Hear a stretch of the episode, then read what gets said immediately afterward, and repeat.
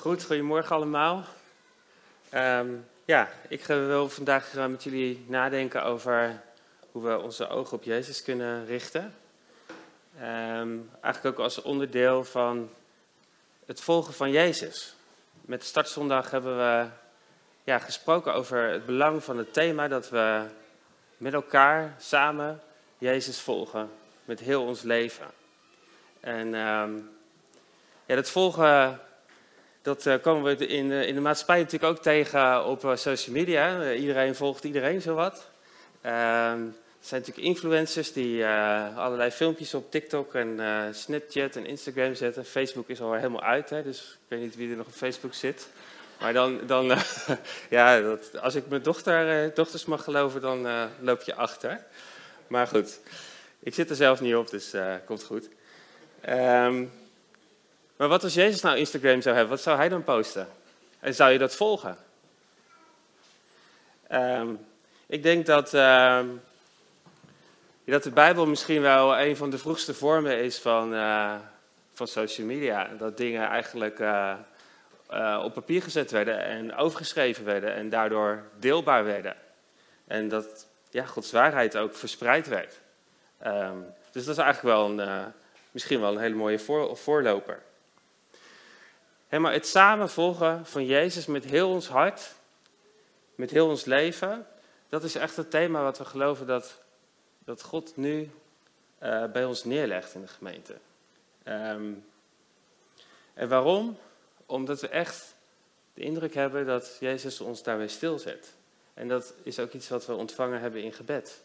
En eigenlijk kwam dat ook op de, op de Benelux-conferentie opnieuw terug. Um, maar waarom dit thema? Het volgen van Jezus lijkt toch zo'n open deur. Um, het is in ieder geval niet een nieuw onderwerp. Of is dat voor jullie misschien wel nieuw? Ik weet het niet. Op een bepaalde manier zijn we in de kerk best wel gericht geraakt, en sowieso ook in de maatschappij, uh, op het belang van overdracht van informatie. Dus als we iets weten, als we iets begrijpen, dan geeft dat ons de mogelijkheid om keuzes te maken, om dingen te beïnvloeden. Je bent allemaal wel bekend met de term van kennis is macht, nietwaar? Um, maar in de context van geloven en samen Jezus volgen, dan gaat het natuurlijk niet alleen over weten. Dat is niet genoeg, dat is nogal ja, eendimensionaal zou je kunnen zeggen. Um, de Bijbel is niet bedoeld als een informatiebron alleen. We kunnen natuurlijk dingen over God te weten komen in de Bijbel. Dat is, uh, dat is fantastisch. Um, maar het boek is eigenlijk ook bedoeld als een bron van transformatie. Dat, dat onze levens um, echt mogen veranderen door wie God is. Je zou kunnen zeggen, in dat boek zit een persoon. Dus als we die teksten van de Bijbel um, persoonlijk ontvangen, dan hebben ze ook de kracht om onszelf te veranderen. En ik denk dat dat in deze tijd eigenlijk heel erg belangrijk is. dat we de woorden niet alleen lezen, maar dat het ook op een bepaalde manier in ons gedrag, in ons doen en laten zichtbaar wordt. En um, ik wil graag um, een, uh, een, quote van John Wimber, die altijd in deze Back to the Roots spreekt uh, zitten, uh, met jullie delen. En een van de dingen die hij zei, wat, wat het eigenlijk heel mooi onderstreept, is read the scriptures to obey the scriptures. If we only learn about God, but never act on what he says, we risk uh, coming under Jesus' judgment of the Pharisees. Nou, en daar wil je niet onderkomen. Hey, dus um, lees de Bijbel om ook te gehoorzamen wat er staat en dat ook te doen. En hoe lees jij de Bijbel eigenlijk? Lukt het jou om de tijd te nemen om die woorden ook te ontvangen, tot je hart te laten spreken. En lukt het je ergens ook om de woord bij de daad te voegen? En wie helpt jou daarbij? Ik heb het zelf nodig om uh, ja, daar ook met anderen over in gesprek te zijn. En ik heb het ook nodig dat uh, iemand voor mij bidt. Het kan heel erg helpend zijn als je bevraagd wordt op op de keuzes die je maakt, bijvoorbeeld. Of de dingen die ik uh, voorneem om het te doen. God zei dit tegen mij en ga je dat dan ook doen? is natuurlijk fantastisch om dingen te ontvangen. En dan zijn we helemaal geïnspireerd. En uh, God zei dit. En oké, maar dan komt, komt de fase ook van, wat ga je ermee doen in je leven? Het kan heel erg helpen om, uh, om dat dan samen te doen. En daar eerlijk en kwetsbaar over te zijn. En uh, ja, ik heb een, een, goede vriend waarmee ik dat dan, dan doe. En als ik hem dan weer zie, dan, dan, vraagt hij van... hé, hey, vorige keer hadden we het daar en daar over. hoe is het daar nou mee? lukt het je om, ja, om dat vorm te geven, om het vol te houden? En dat helpt mij in een groeiproces om steeds meer op Jezus te gaan lijken in mijn doen en laten. Nou, we hebben het met de startzondag ook gehad over uh, een triade. Dat, dat is ook zo'n plek waar je samen uh, zo'n proces kan doormaken in het volgen van Jezus. Dus wil je daar meer over weten, schiet ons aan. We, zijn, uh, we helpen je graag op weg om een triade te starten. Dus read the scriptures to obey the scriptures. Lees de Bijbel om gehoorzaam te zijn aan de Bijbel. En vandaag wil ik met jullie een stuk uit de Bijbel centraal zetten. Um, en ik hoop dat het ons lukt om niet alleen de woorden te lezen en als informatie tot ons te nemen, maar dat we ook een vorm vinden om die woorden daadwerkelijk ook vorm te geven en daar gehoorzaam aan te zijn. Um, is een stuk uit uh, Hebreeën 12 en dat wil ik vanaf vers 1 met jullie lezen. Nu wij door zo'n menigte geloofsgetuigen omringd zijn, moeten wij ook elke last van ons afwerpen. Evenals de zonde waarin we steeds weer verstrikt raken. En vastberaden de wedstrijd lopen die voor ons ligt. Laten we daarbij onze blik gericht houden op Jezus, de grondlegger en voltooier van ons geloof. Met de vreugde die voor ogen,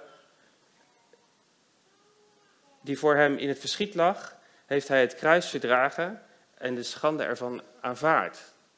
En heeft hij zijn plaats ingenomen om aan de rechterzijde van de troon van God. Laat tot u doordringen hoe hij stand hield toen de zondaars zich zo tegen hem verzetten, opdat u niet de moed verliest en het opgeeft. En hij heeft het dan over het lijden en sterven van Jezus. Nou, dat is eigenlijk wel wat een volger doet, hè? De blik gericht houden op de persoon die je volgt. Zo mogen wij, een discipel, een leerling, een volgeling, een vertrouweling van Jezus, dat ook doen. Dat is super belangrijk. Zoals Pauline net ook um, heel beeldend heeft uitgelegd. Maar laten we eerst even inzoomen op wat er staat. Dus even de informatie ontleden. Vers 1. Het ten eerste staat er dat we omringd zijn door een grote menigte. En de schrijver die bedoelt hier dan uh, de geloofshelden uit het Oude Testament. Mannen en vrouwen die het uh, lukte om in hun relatie met God het beste van hem te ontvangen. En dat is super gaaf. Ten tweede, uh, als we dat beste van God willen ontvangen, als we dat willen bemachtigen, dan komen we op de een of andere manier in een wedloop, in een race terecht. En om die race te kunnen winnen, is het belangrijk dat we alles afgooien. Dat we alles um, ja, wat ons uh, weerhoudt, dat we dat um, van ons afgooien. En in de tijd van de Bijbel was, uh, waren de Olympische Spelen er ook al. En daarvan is bekend dat de hardlopers, die, uh, die liepen naakt. Dus die hadden, die hadden zo licht mogelijk, zal ik maar zeggen, geen grammetje aan uitrusting mee. Um, ik denk dat dat beeld daar ook een beetje vandaan komt. Nou, in, de, in de autosport is een uh, bekend motto: To finish first, you first have to finish. Met andere woorden, je, je kan vooraan rijden en het kan er allemaal helemaal goed uitzien. Maar als je uitvalt, uh, dan kom je niet over de streep en kun je niet winnen. Een zonde waarin je verstrikt kan raken, kan ook zoiets zijn waardoor je uitvalt en niet de finish haalt. Nou, ten derde zegt hij van, hé, hey, die wedloop, dat is, wel, dat is wel iets waar je volharding voor nodig hebt. Dat gaat niet zomaar. Als je echt de wedstrijd wil, wilt winnen, dan kan je daar op een bepaalde manier natuurlijk niet halfslachtig in zitten. En dan gaat het niet lukken. Het is nodig om daar radicaal voor te gaan. En dat vraagt voor een hardloper volharding om door de pijn van verzuring heen te gaan. Ik weet niet of er hier uh, marathonlopers zijn, maar dan ken je dat vast wel. Je moet het uiterste vragen van je lichaam om, om te kunnen winnen. Dus de schrijver die benoemt die drie factoren die dus invloed hebben op, uh, op het succes van die wedloop, voordat hij eigenlijk uitkomt bij de kritische succesfactor, zou ik willen zeggen. Laten we daarbij onze blik gericht houden op Jezus, de grondlegger en voltooier van ons geloof. En dat is echt de sleutel van succes. Um, een hardloper die zo door de pijn van verzuring heen gaat, die kan het heel erg helpen om de finishvlag voor te stellen. Uh, dat hij daar over de streep komt en dat familie en vrienden staan te klappen. Dat is het moment waar je het voor doet. En dat, dat plaatje dat wordt hier geschetst. En zo is het ook in het volgen van Jezus. Dat we onze oog gericht mogen hebben op Hem, waar je ook doorheen gaat.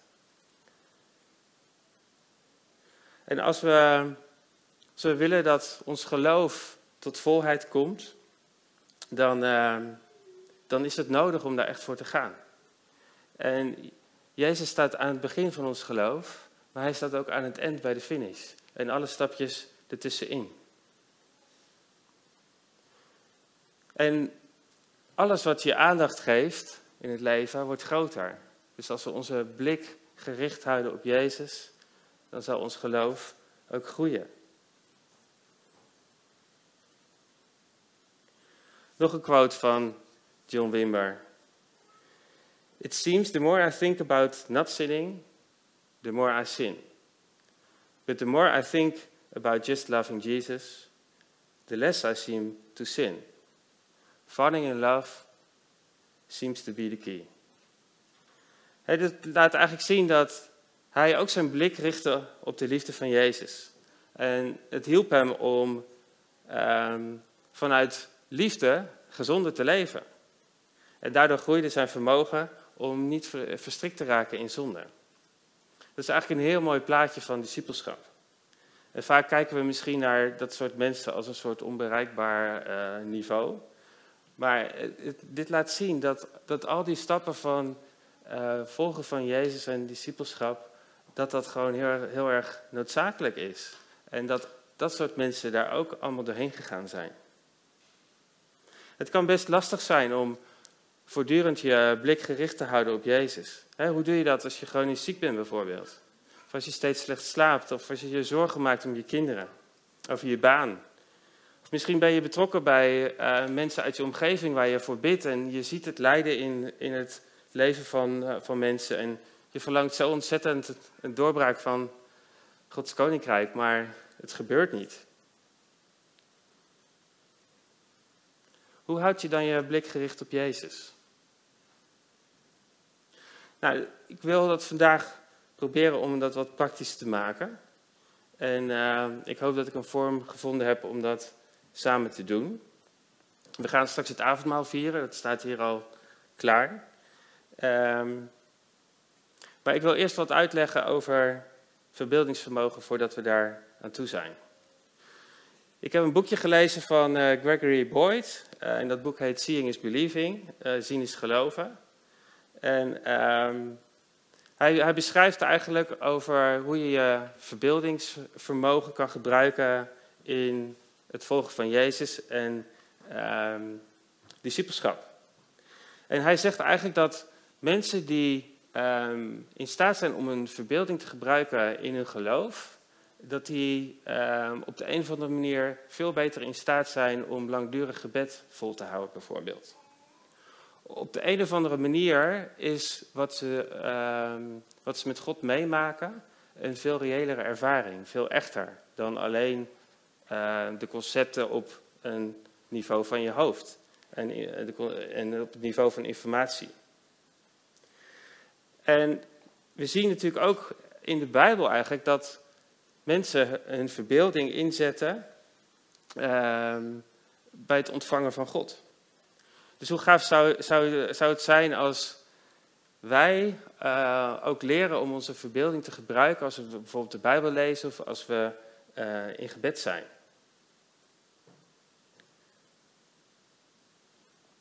En in deze tijd zijn we misschien wel een beetje verleerd om onze verbeelding te gebruiken. We, we zien dat misschien vaak als, uh, ja, dat is fantasie of zo. Uh, en we hebben geleerd om dat dan te parkeren en daar niet echt wat mee te doen. Maar als we voortdurend onze blik op Jezus gericht willen houden, dan hebben we onze, ons voorstellingsvermogen daar eigenlijk hard bij nodig. Nou, ik heb zelf een, uh, een werktuigbouwkunde achtergrond. En een van de vakken die ik op school uh, altijd wel heel erg leuk vond, dat was technisch tekenen. En bij de technisch tekenen dan uh, leerde je om een object, laat ik zeggen deze, deze kant bijvoorbeeld, om die dan van deze kant, van de zijkant te bekijken, van de, van de voorkant, van de bovenkant. En dat moest je dan tekenen. En uiteindelijk moest je dan ook een, een, een 3D-tekening uh, maken.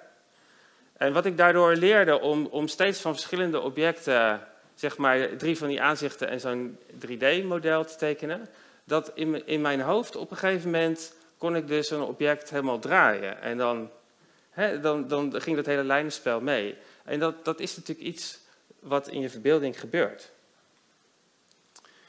Um, de Bijbel zegt dat het geloof het bewijs is van de dingen die we niet kunnen zien. En God heeft ons gemaakt met een verbeeldingskracht. En dat is een vermogen wat we ook mogen inzetten in relatie met God. Noemde net al, hè, de hardloper die verbeeldt het moment aan de, aan de finish. En Jezus, staat in de tekst, die richtte zijn ogen op de vreugde die voor hem was. De overwinning van Satan en de redding van de mensheid. Dwars door het lijden heen keek hij daarnaar. Hij richtte zijn, zijn ogen naar boven.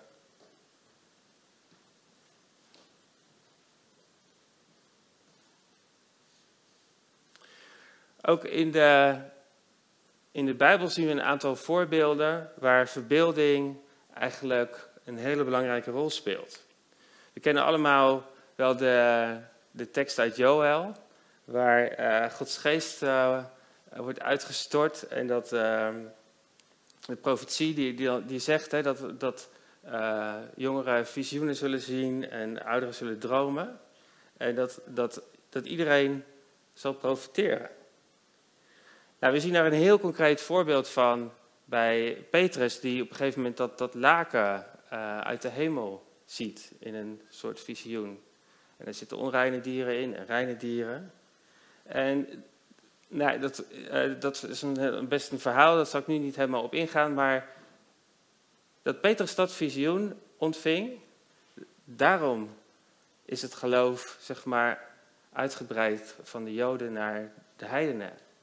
Uh, dat was een cruciaal moment eigenlijk in, in, de, in de kerkgeschiedenis, zo, zo, eh, zo, zou je dat kunnen noemen, waarin het evangelie uh, voor heel de wereld toegankelijk werd.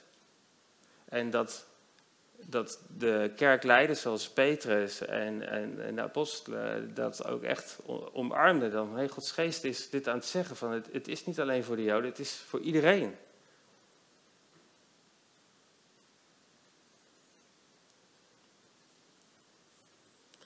Nou, in voorbereiding op vanochtend heb ik ook aan de Heilige Geest gevraagd van, hoe zou dat eruit zien? Als wij als gemeente met elkaar onze blik op Jezus zouden richten. En ik ontving daar een prachtig plaatje. Het was een plaatje van de kuil waar we hier nu zijn. En, en hier in het, in het midden er stond een groot kruis. En we, stonden er allemaal omheen. En op een gegeven moment knielden we. En ik zag dat mensen hun handen omhoog deden. En op een gegeven moment zag ik dat daar een kroon was. Die we, die aan Jezus gaven. En in een, in een volgend moment zag ik het plaatje wat meer uitgezoomd. En er waren mensen op de, op, op de ringen, die, die lagen ook geknield. En er kwamen mensen van buiten vanuit alle vier de hoeken van de zaal. kwamen mensen naar het kruis toelopen. En eerst liepen ze wat daarboven omheen. En op een gegeven moment zag ik dat ze ook knielden. Dat is een, een plaatje, een verbeelding van iets wat God wil zeggen, denk ik, tegen ons als gemeente. Van hé, hey, dit, dit is wat ik wil doen. En het is prachtig om, om zo'n plaatje te zien in, in, um, in een beeld, in plaats van in alleen maar woorden. Het, het zit zoveel betekenis in.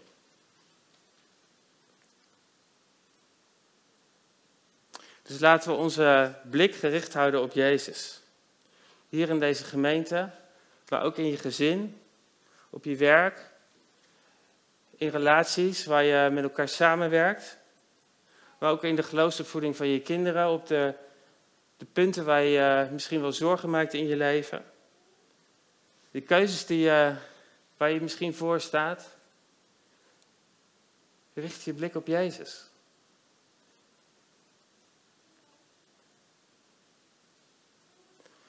En laten we ook onze blik richten op Jezus als dingen goed gaan. En soms dan richten we onze blik op Jezus als het helpt, als we het niet meer weten. Maar ook als het goed gaat, is het belangrijk om voortdurend je blik op Hem te richten. Hij staat aan het begin en hij staat aan het einde, eind van onze reis in geloof. Onze reis in het volgen van Jezus. From start to finish. Turn your eyes on Jesus. En als we onze ogen op Jezus richten, dan keren we eigenlijk terug naar onze eerste liefde. En dat is, denk ik, de essentie van wat ik vanochtend met jullie wil delen. Amen. Goed, we gaan met elkaar het avondmaal vieren. En dat wil ik uh, eigenlijk doen met de tekst die we zojuist gelezen hebben. Daar zit al zoveel in. Um, maar laten we ons voorstellingsvermogen gebruiken um, als we die tekst opnieuw gaan overdenken en het avondmaal gaan vieren. En uh, kinderen zijn altijd supergoed in uh, het gebruiken van hun voorstellingsvermogen. Ik zie, uh, zie jou daar zitten, er zijn nog wat meer kinderen. Dus ehm, misschien kunnen we daar nog wel, wel wat van leren.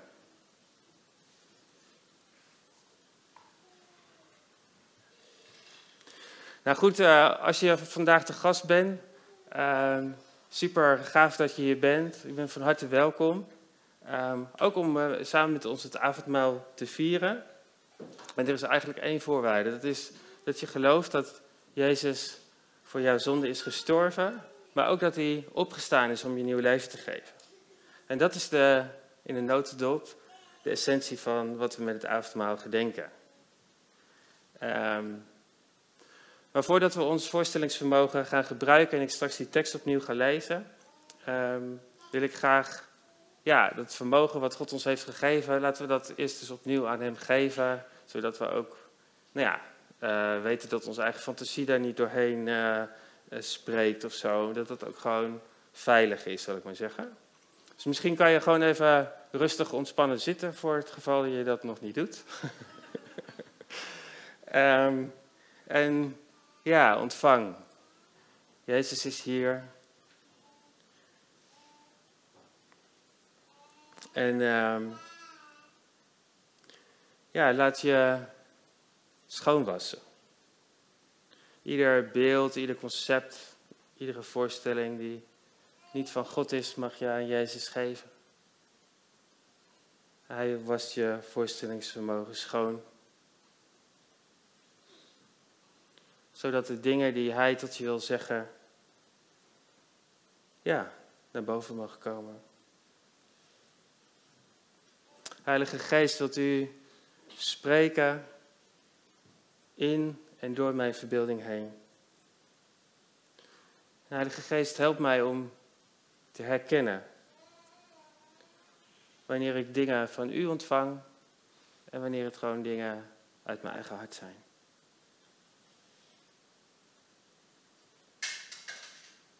Dus blijf bij God, blijf in dit moment terwijl ik de tekst opnieuw zal lezen, vers voor vers. Nu wij door zijn zo'n menigte geloofsgetuigen omringd zijn, moeten we elke last van ons afwerpen. Evenals de zonde waarin we steeds weer verstrikt raken. En vastberaden zijn om de wedstrijd te lopen die voor ons ligt. stel je eens voor dat je een wedstrijd loopt. De wedstrijd van het volgen van Jezus.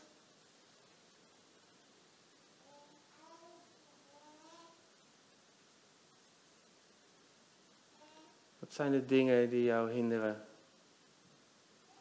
om te lopen? Om er helemaal vol voor te gaan.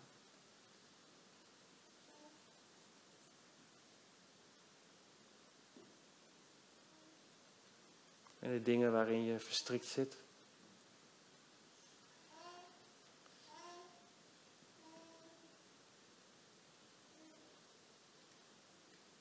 Zijn er dingen die je draagt waardoor je afgeremd wordt? Wat voel je? Wat ervaar je? Laten we daarbij de blik gericht houden op Jezus, de grondlegger en voltooier van ons geloof.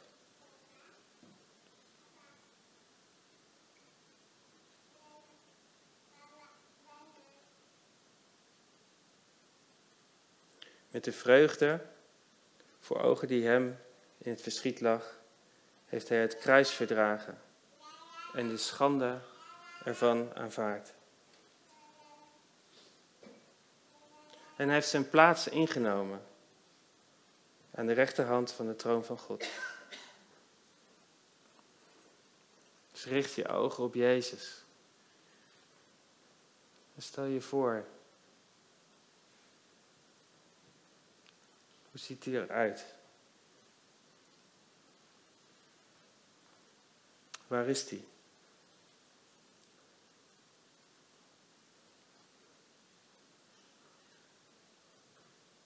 Wat laat hij zien? Wat, wat zegt hij? Kijkt hij je aan? Blijf ontvangen wat Jezus tot je zegt of wat hij je laat zien.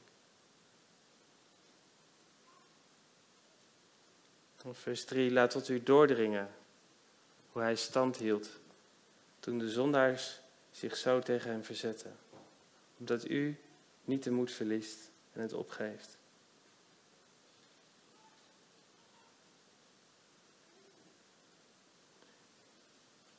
Het is een uitnodiging om Jezus voor te stellen in zijn lijden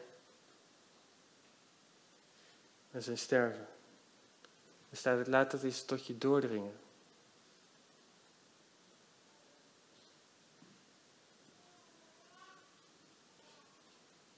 Want daar is een enorme bron van kracht. Die we nodig hebben als het moeilijk is of als je op het punt zit om de moed te verliezen en het op te geven.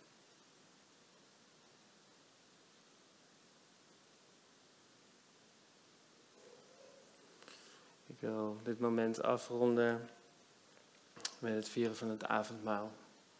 Zoals de service team het avondmaal wil uitdelen. Het is ook een prachtig beeld. Uh, het, de matzes, brood, het staat voor het lichaam van Jezus. Dat voor ons verbroken is.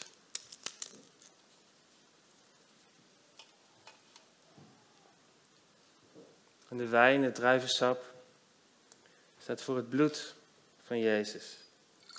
Dat voor ons vergoten is.